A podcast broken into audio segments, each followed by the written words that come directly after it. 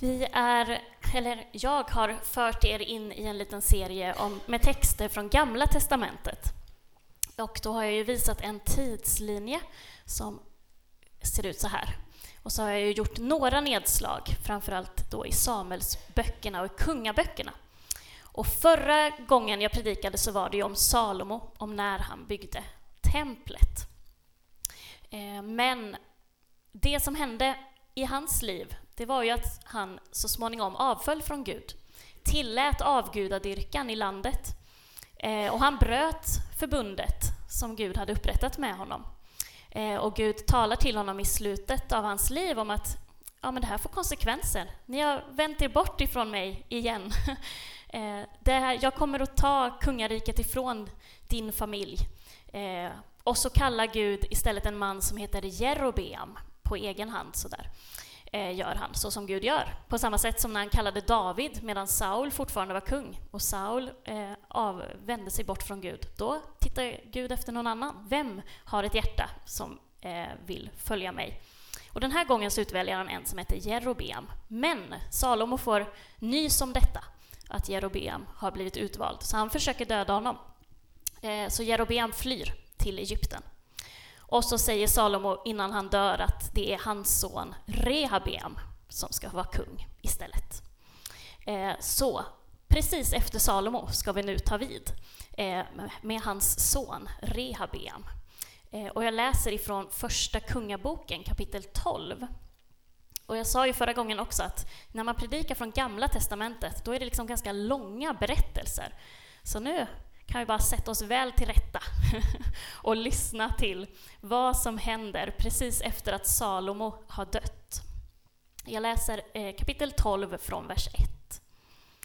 Rehabeam, Salomos son, begav sig till Shekem, för hela Israel hade kommit till Shekem för att göra honom till kung. Jerobeam, Nebats son, hörde det medan han ännu var i Egypten, dit han hade flytt undan kung Salomo. Jerobeam bodde alltså i Egypten, men man sände bud och kallade honom tillbaka.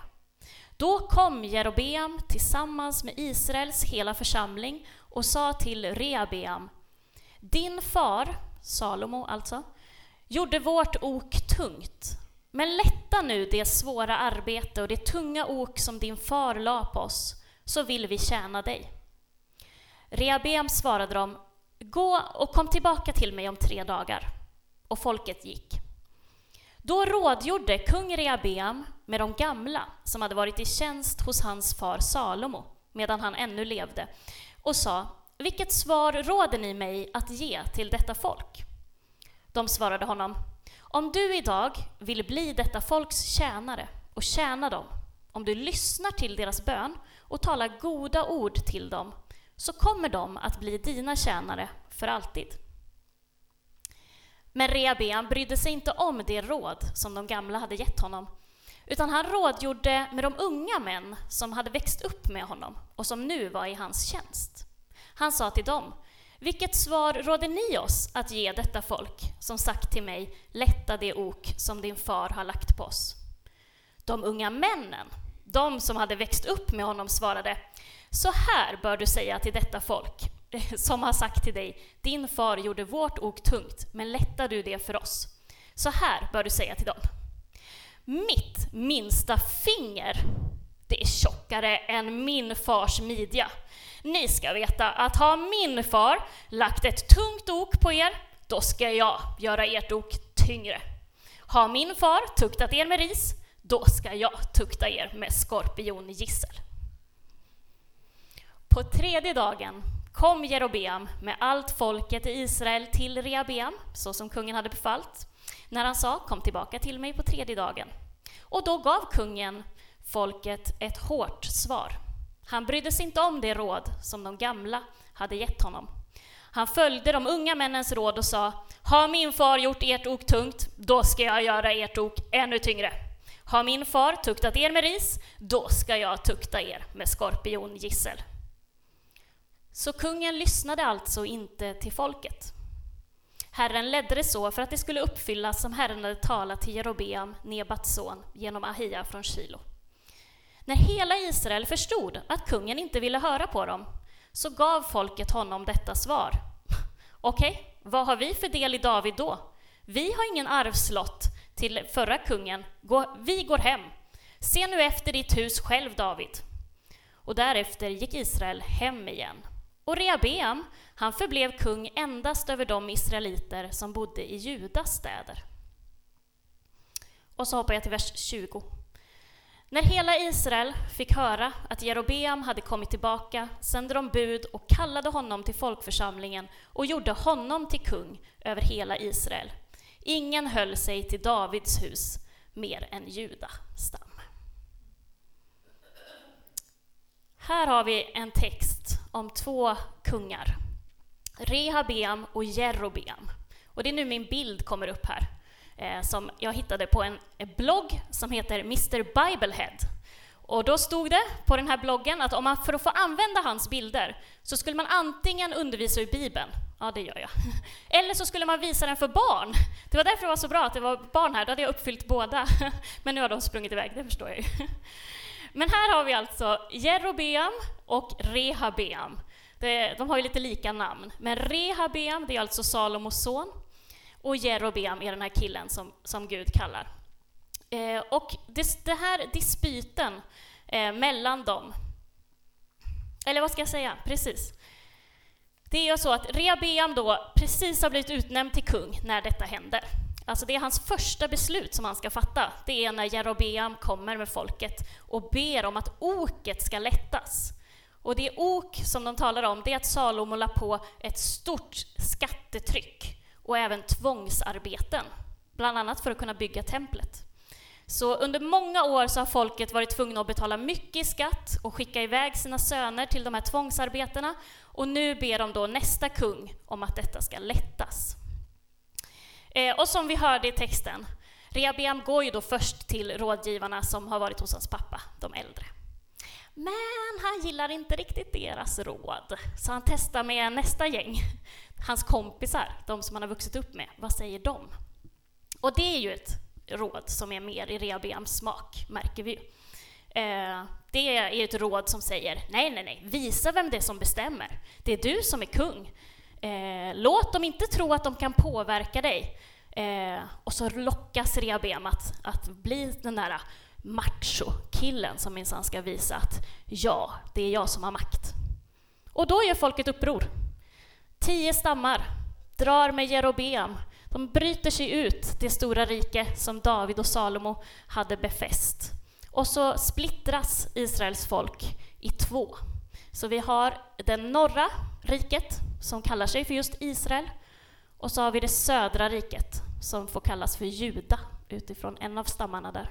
Och det är Jerusalem eh, som är huvudstad i Juda och Shekem blir huvudstaden i, den norra, i det norra riket. Och nu i den här predikan så ska vi titta vidare på just Rehabeam. Det finns en fortsättning om Jerobeam också, men vi tittar på Rehabeam, om hans beslut, det som ledde till att landet splittrades på det här sättet. Eh, han fick ju alltså det där rådet från de äldre att om du vill bli deras tjänare, eh, om du vill tjäna dem, så lyssna på dem. Tala goda ord till dem, och så kommer de att bli dina tjänare för alltid. Vad har Rehabeam för problem med det här rådet? Varför lyssnar han inte på det här? Varför tycker han inte att det här är ett bra råd? Jo, jag tänker detta med att lyssna på någon annan, detta med att tala gott till någon annan, detta med att gå med på vad någon annan säger, eh, det innebär, eh, innebär en oerhörd risk.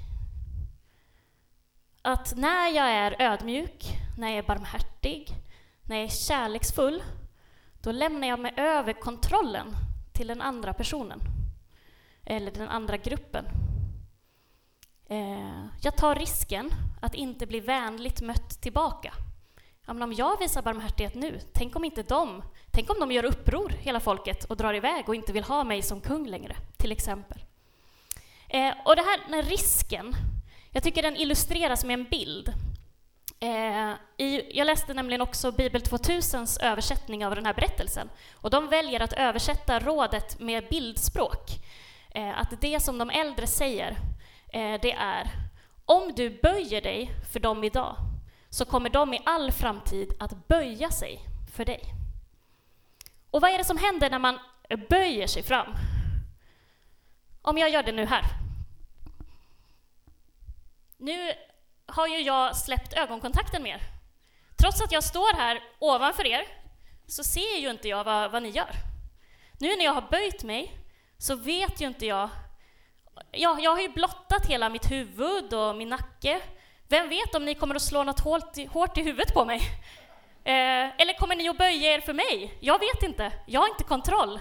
Jag ser inte längre er. Jag har valt att böja mig. Det är vad som händer eh, när man visar barmhärtighet, när man visar kärlek.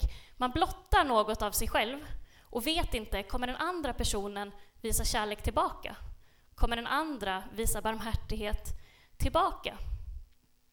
Att böja sig och visa barmhärtighet, det ser oerhört svagt ut i maktens ögon.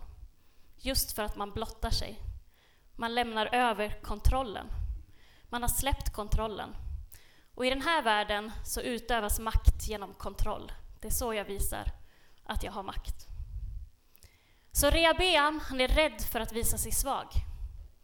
Han är rädd för vad som ska hända om han går med på folkets begäran, om han böjer sig för, för deras vilja, eh, om han visar barmhärtighet. Så han anser, tillsammans med de andra unga männen, nej det är bäst att jag tar kontrollen. Det bästa är att jag behåller den, att jag visar mig stark och att jag använder min makt till att härska och förtrycka snarare än att blotta mitt huvud och, och böja mig. Och resultatet av det blir splittring. Resultatet blir att folket gör uppror. Eh, en stor del av dem eh, drar iväg. Och precis som eh, Rehabeam Eh, och Gamla testamentets tid så lever vi också i en tid där makt handlar om kontroll. Ehm, ja, och då, det såg Jesus också.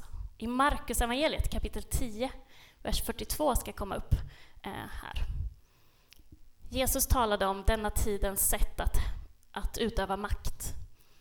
Ni vet att de som anses vara folkens ledare beter sig som herrar över dem och att deras stormän härskar över dem. Det är sättet som vi utövar makt eh, i världen. Och vi kan ju se det i våran tid, i våran värld. Hur i de senaste åren har vi kunnat se att, att man ökar kontrollen. Eh, politiker och, och makthavare det ska vara hårdare gränser, det ska vara stängsel, det ska vara murar. Vi ska kunna räkna alla som ska någonstans. Vi ska kunna ha kontroll eh, över vad människor gör. Många länder stärker sin militär i den här tiden, eller sitt polisväsende. Och det blir ett ökat tryck på yttrandefrihet, på medier, på de som vill säga emot politikerna. Och det här är inget konstigt.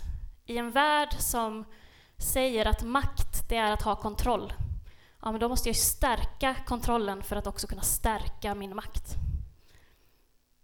Men om vi läser världen genom den här bibeltexten så kanske vi kan ana att dessa starka män och kvinnor som sitter på makten i vår tid kanske allra mest är rädda om sitt eget skinn.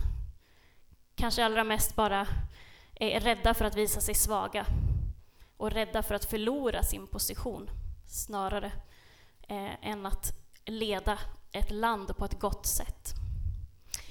Men nu kopplar den här berättelsen till oss. Vi då, vi som sitter här, vi har ju inte så jättemycket makt. Vi är ju ganska bara vanliga människor, eh, lever våra vanliga liv i vår vardag.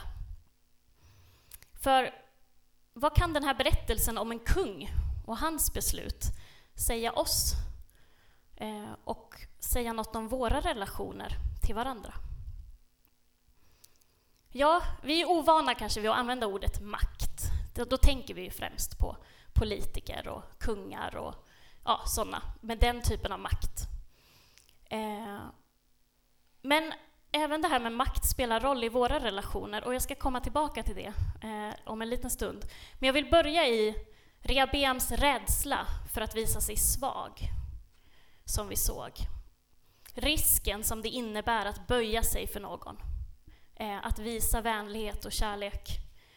Eh, det innebär ju den här risken att jag kan bli sviken, jag kan bli missförstådd, eh, eller jag kan bli utnyttjad. Och jag tänkte på hur kan vi märka det i, våra, i våran vardag? Eh, ja, men till exempel om man tänker på oss som arbetar eller har arbetat, har haft ett jobb. Det kan ju vara så att man på sitt jobb Eh, är den som kommer med goda förslag om hur arbetet ska bli bättre. Att man är den som liksom ser så här, men ska vi inte göra så här, det underlättar ju för dig, eller om vi, om vi gör det här, då kommer vi att jobba bättre tillsammans. Och så är vi de som kliver fram och säger, ja men ska vi inte göra på det här sättet istället? Eller så kanske vi är de personerna som liksom tar med fika till arbetsplatsen eller dekorerar med blommor eller så där för att skapa en god stämning i, i arbetslaget och i fikarummet. Ehm, eller så kanske vi är de som uppmuntrar när det går tungt. När en kollega liksom kämpar med sin arbetsuppgift, då är vi där och säger kom igen, du klarar det, vi står tillsammans. Det här gör vi tillsammans. Och det här är ju alla goda och positiva saker. Men risken finns ju att vi blir missförstådda, även i det som vi ville väl i. Mina andra kollegor kanske tycker att jag smörar för chefen när jag liksom alltid ska komma med nya förslag eller ska komma och göra det trevligt på jobbet. Kanske stod jag upp för en kollega som sen inte stod upp för mig när det var jag som hade det tungt eller var utsatt för något. Då kan man känna sig sviken. Eller kanske är det så att man känner att ja, men det är ju alltid bara jag som uppmuntrar på den här arbetsplatsen. Varför är det aldrig någon som uppmuntrar mig? Och bland våra vänner och i familjen finns så många möjligheter att bli sviken. Jag ställer upp för en vän som sen inte ställer upp för mig. Jag berättar något i förtroende för någon som i sin tur berättar det vidare. Jag är den som bjuder hem vänner och grannar men aldrig blir jag hembjuden till någon. Det kanske är jag som tar det stora jobbet i familjen med maten och städningen och är det någon som ens säger tack? Kanske är det jag som hjälper och ställer upp för mina gamla föräldrar och mina syskon. De bara litar på att jag ska göra allt hela tiden. Kanske är det jag som kommer ihåg att ringa till våra släktingar på födelsedagar. Men vem är det som ringer till mig? Och i församlingen, finns det risk att bli sviken, missförstådd och man kan känna sig utnyttjad. När jag ställer upp vecka efter vecka och ingen säger tack. Eller när jag kommer med ett förslag, men ingen verkar lyssna på den idén. Det finns så många möjligheter att när jag ger av mig själv, när jag ger av min tid, när jag ger av mitt engagemang och när jag ger av min kärlek på något sätt till någon, så finns risken där att jag blir sårad eller avvisad. Att jag var den som böjde mig och när jag tittar upp så är det ingen kvar. Alla har bara gått. Ingen såg ens att jag gav någonting, att jag gjorde någonting. Och när jag någon gång, eller flera gånger, har blivit avvisad och bortvald eller känt mig utnyttjad, då är det så lätt att stänga om sig själv. Att aldrig mer vilja lämna ifrån sig kontrollen. Att från och med nu ska jag alltid visa mig stark. Ingen ska minsann få komma nära mig. Jag ska aldrig mer böja mig eller visa mig svag eller öppna mig för någon. Men Jesus uppmanar oss att leva exakt så. Att leva med den risken.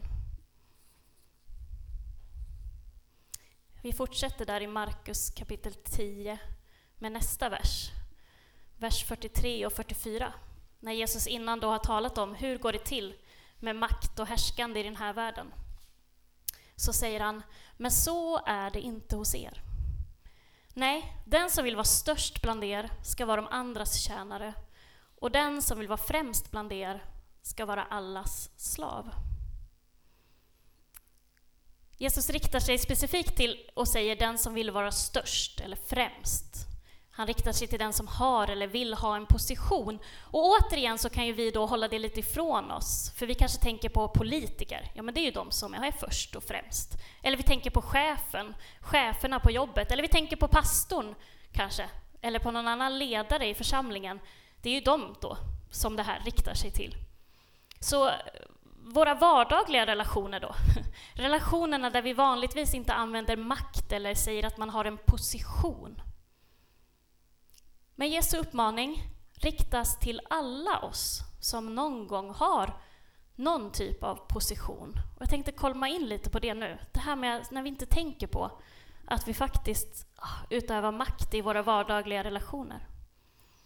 För var, alla står någon gång i någon typ av position över någon annan. Vi är bara inte så vana vid att tänka i de termerna. Men varje gång som du vet mer än någon annan, varje gång som du har mer erfarenhet än någon annan, varje gång som du har mer resurser eller mer pengar än någon annan, varje gång du har större fysisk styrka än någon annan, varje gång du har mer inflytande i samhället eller en högre status i samhället. Så har du en position över den som har mindre. Och du har i den positionen möjligheten att utöva någon typ av makt i betydelsen påverkan eller inflytande över den som har mindre. Och det kan illustreras jättelätt i, i våra vardagliga relationer. Klassiska såklart föräldrar-barn. Föräldrar vet mer än sina barn. Föräldrar har mer erfarenhet än sina barn, så länge de är små i alla fall. Eh, föräldrar har mer eh, resurser. Föräldrar utövar inflytande på sina barn. Föräldrarna står i en position över sina barn, även om vi inte pratar i de termerna. Eller för att komma till nästa steg i, i familjen, äldre syskon kontra yngre syskon. Där har vi en maktrelation som gärna ut, äh, används när man är barn. Att man minsann springer fortare, att man minsann vet mer och så kan man håna sitt lilla syskon, du som inte kan något. Och så, sådär. Det vet vi ju, hur syskonrelationen påverkas av vem det är som är äldst och vem det är som är yngst. Eller jag bara tänkte på i skolan, eh, på en låg och mellanstadieskolan. Den som går i sexan eh, har definitivt en högre position än den som går i ettan. När man börjar skolan och alla de här stora tolvåringarna, ja, det minns man ju. Alltså, det är också en slags position. Och det intressanta med det här är att det här övertaget som vi kan ha över varandra ibland, det varierar. Det är alltså inte alltid jag är i överläge och någon annan är i underläge. Utan i, ja men i skolan igen, i en skolklass, då kan det vara ett barn som har övertaget på skolgården, för den är fysiskt stark, bra på fotboll, springer snabbt. Ja, men den, det är den som alla i klassen ser upp till. Eh, sen kommer vi in i klassrummet. Då är det någon annan som är den som har läshuvudet, som är den som kan grejer, som räcker upp handen och svarar rätt. Då har den en position över den som inte har lika lätt för att lära sig. Och på samma sätt i våra vänskaps och kärleksrelationer. Eh, att vi har olika resurser, olika förmåga, gör att vi ibland kan hamna lite över eller lite under varandra i vad vi kan och i vad vi gör. Men just detta att du kan vara i överläge i en typ av relation, men i underläge i en annan. Och inom samma relation så kan du ibland vara i överläge och ibland i underläge.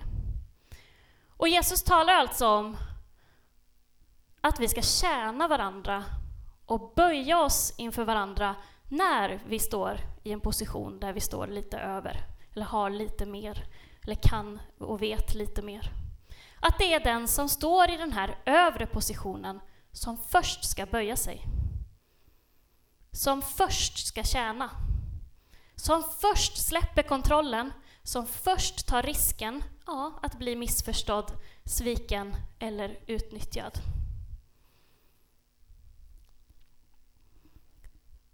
Den som vill vara den största bland er ska vara de andras slav. Den ska böja sig först.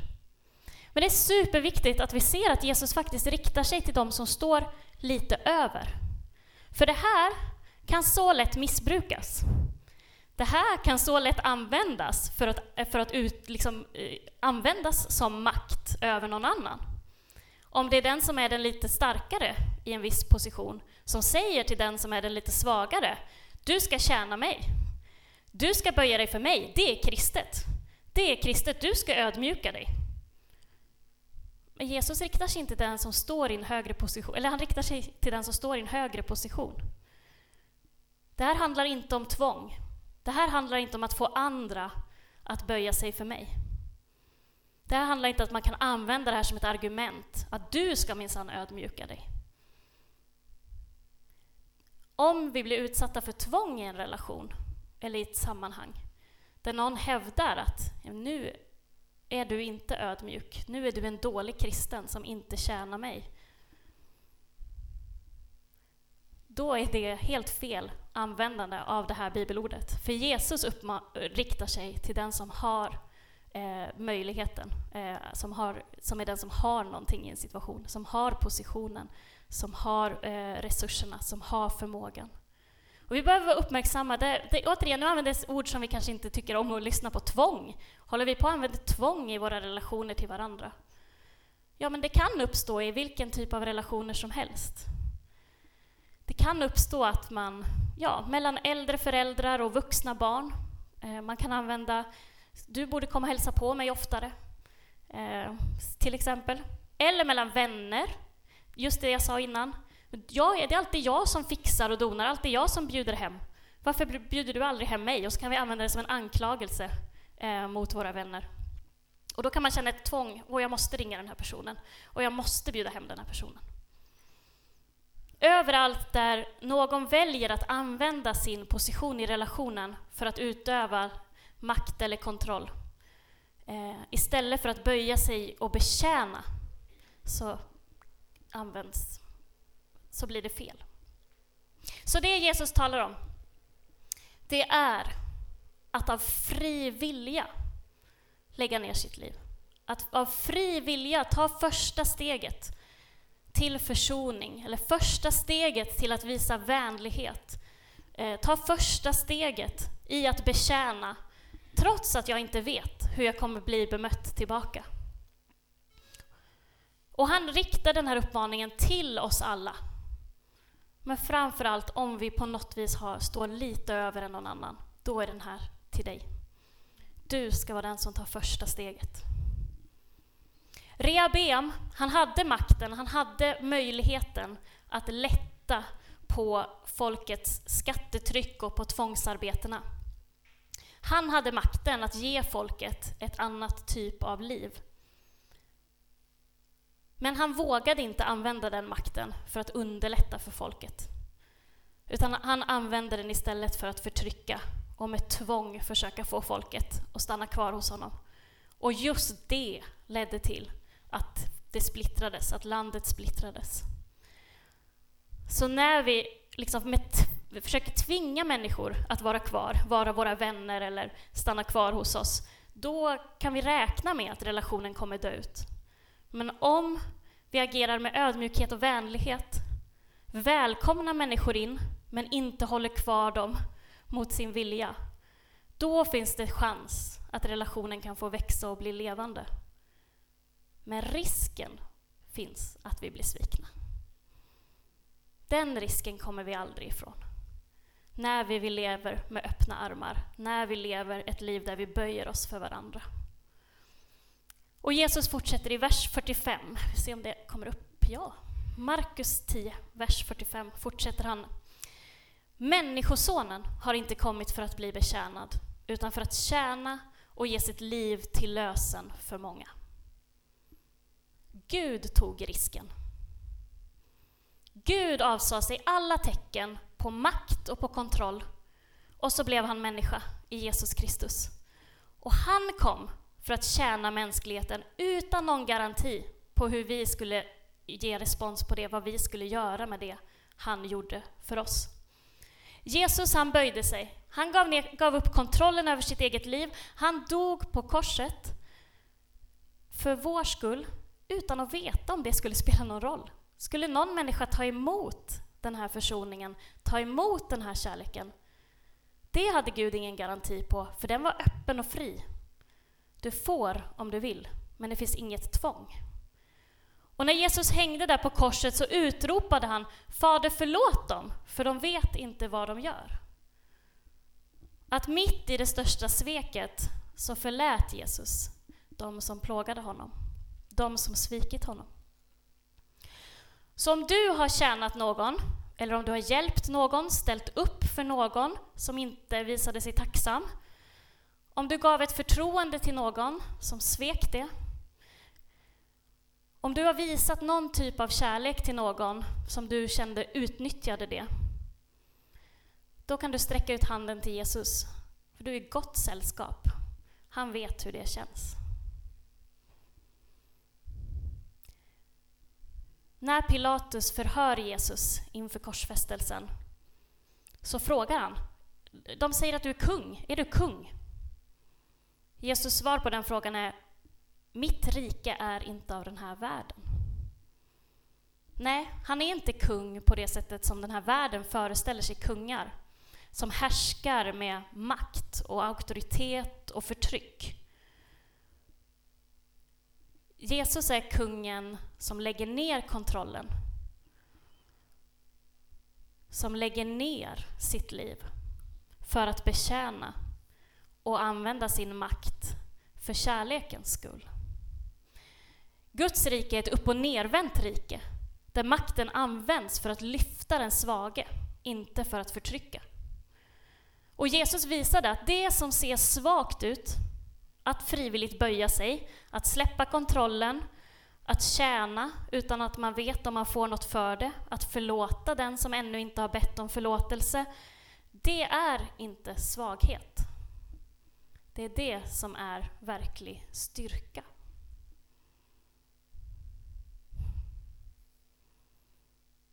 Men vem av oss kan inte känna igen sig i det här med att vara rädd för att förlora kontrollen?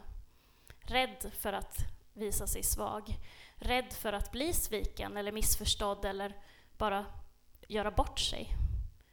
Jag tror att vi är många som håller upp den här fasaden av att ja, vara stark, av att saker inte tar när någonting händer och som kanske också stänger oss emellanåt för att vi är rädda för vad som händer när vi öppnar oss eh, för andra.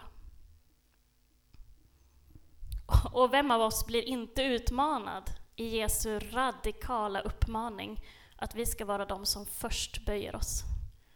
De som först förlåter, som först visar vänlighet, trots att risken finns att vi inte får något tillbaka för det.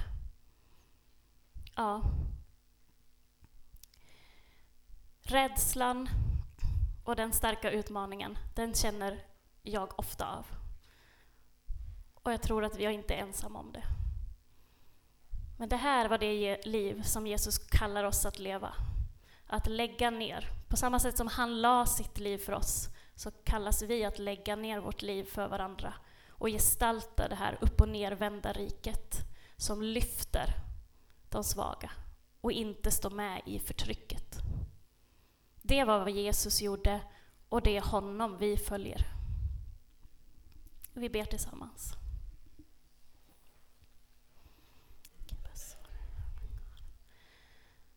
Tack Jesus att vi har fått stå inför ditt ord den här, sitta inför ditt ord den här dagen. Tack för vad du vill visa oss. Vad du vill tala till oss om, Herre. Genom berättelsen om en kung för så länge sedan och genom berättelsen om din son som totalt la ner allt för våran skull utan att ha någon garanti för någonting. Herre, du känner oss var och en här. Du vet om det är någonting i de här orden som speciellt har talat in i våra liv. Om det är någon situation i vår vardag som vi har blivit påminda om. Eller om vi bara har fått bli påminda om din otroliga kärlek. Herre, du kallar oss att följa dig. Du kallar oss att inte sitta på våra höga hästar, hålla oss fast i vår stolthet, utan du kallar oss att kliva av. Att betjäna, att förlåta, att visa vänlighet. Herre, och vi gör det tillsammans med dig.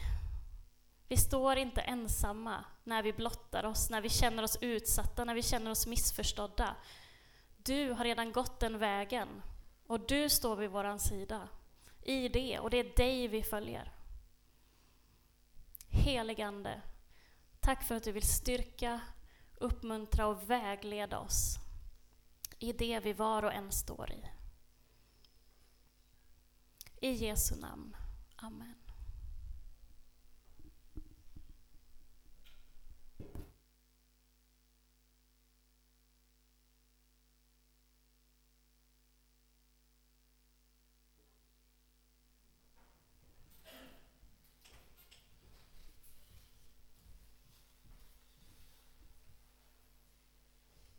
Vi ska fortsätta att sjunga några sånger tillsammans, så ni får jättegärna stå upp om ni känner att ni vill göra det.